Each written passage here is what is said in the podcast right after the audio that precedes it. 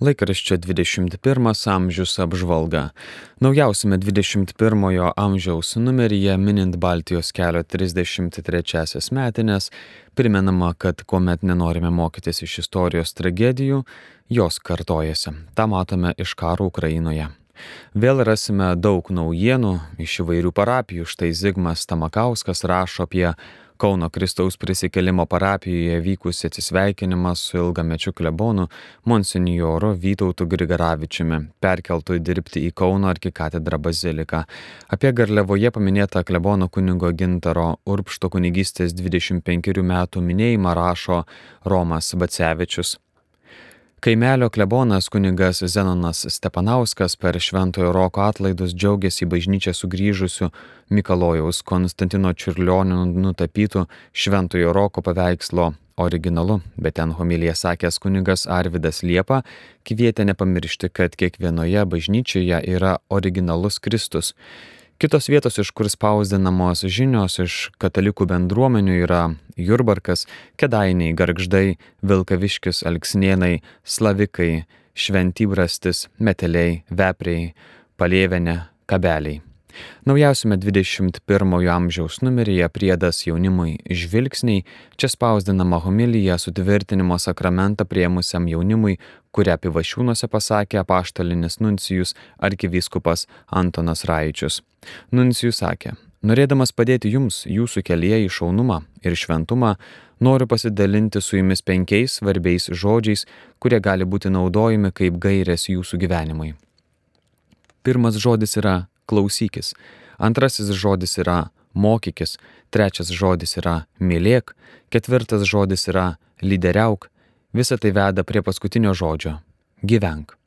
Todėl nepamiršk klausytis, mokytis, mylėti, lyderiauti ir gyventi taip, kaip Dievas to nori iš tavęs. Išėjo ir laikraštis Katalikas. Jame toliau tęsimi pamokslėliai apie išpažinti, kuriuos prieš 50 metų parašė kunigas Jonas Paliukas. Šį kartą jis aiškina, kaip pasirengti išpažinčiai. Pasak kunigo, įprasta visiškai nepasirengti išpažinčiai. Žmonės mano, jog tas pašnekesys su kunigu klausykloje yra toks pat paprastas dalykas, jog jį gali atlikti bet kas ir nepasirengęs. Ir todėl žmonės rengiasi baliams, pramogoms, darbams, bet išpažinčiai nejaučia reikalo pasirengti. Galima sakyti, jog rengiasi viskam, ką tik įmanoma daryti, nesuprantama, jog nuo to priklausys darbas, bet išpažinčiai daroma išimtis. Gal jai nesirengama dėl to, kad nežinoma, kaip tai padaryti? Kunigas rašo. Kiek man teko klausyti išpažinčių, tokių penitentų ar penitenčių turbūt trys ketvirtadaliai, tiek jų nebuvo pasistengę ir net nemanė rengtis išpažinčiai. Kiek iš jų dar sakė turėję maldaknygės, lyg tyčia visi jas buvo užmiršę namie, o iš savo galvos nesugebėjo tinkamai pasiruošti. Todėl ėjo išpažinties bet kaip, be garbė Jėzui Kristui, be sąžinės sąskaitos, be gailesčio, be pasiryžimo ir net be tinkamos išpažinties, nes nepasirengę nieko negalėjo pasakyti. Neužmiršta žmonės kibiro, eidami iš šulinio vandens pasisemti, nes tai daro ir kasdien. Neužmiršta jie savo krepšių ir maišelio, eidami į krautuvės nusipirktų prekių parsinešti. O čia vieną kartą te ateina per kelis mėnesius ar net metus ir užmiršta patį pagrindinį pagalbinį įrankį bažnyčioje - maldaknygę. Ką į tai galima pasakyti? Tai, kad žmogui tas reikalas visai nerūpi.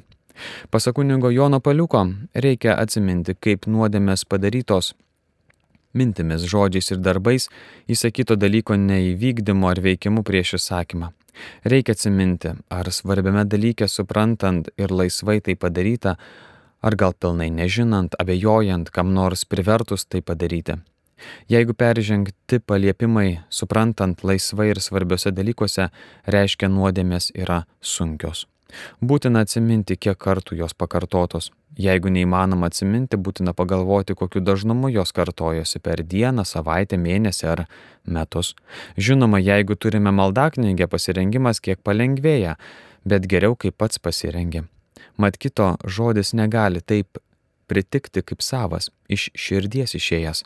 Taigi viską suvedant į vieną, reikia pasakyti, jog reikalas nėra toks, kurio jūs negalėtumėte sutvarkyti.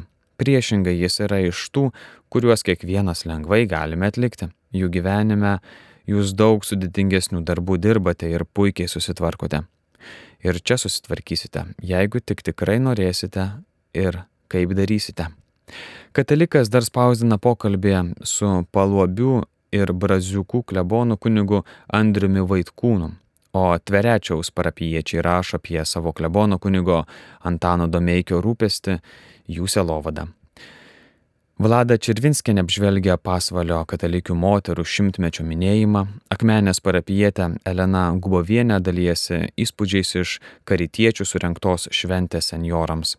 Katalikę rasite ir neseniai mirusio kunigo Vladislavo Juškio nekrologą. Apžvalga parengė laikraščio 21 amžius redakcija.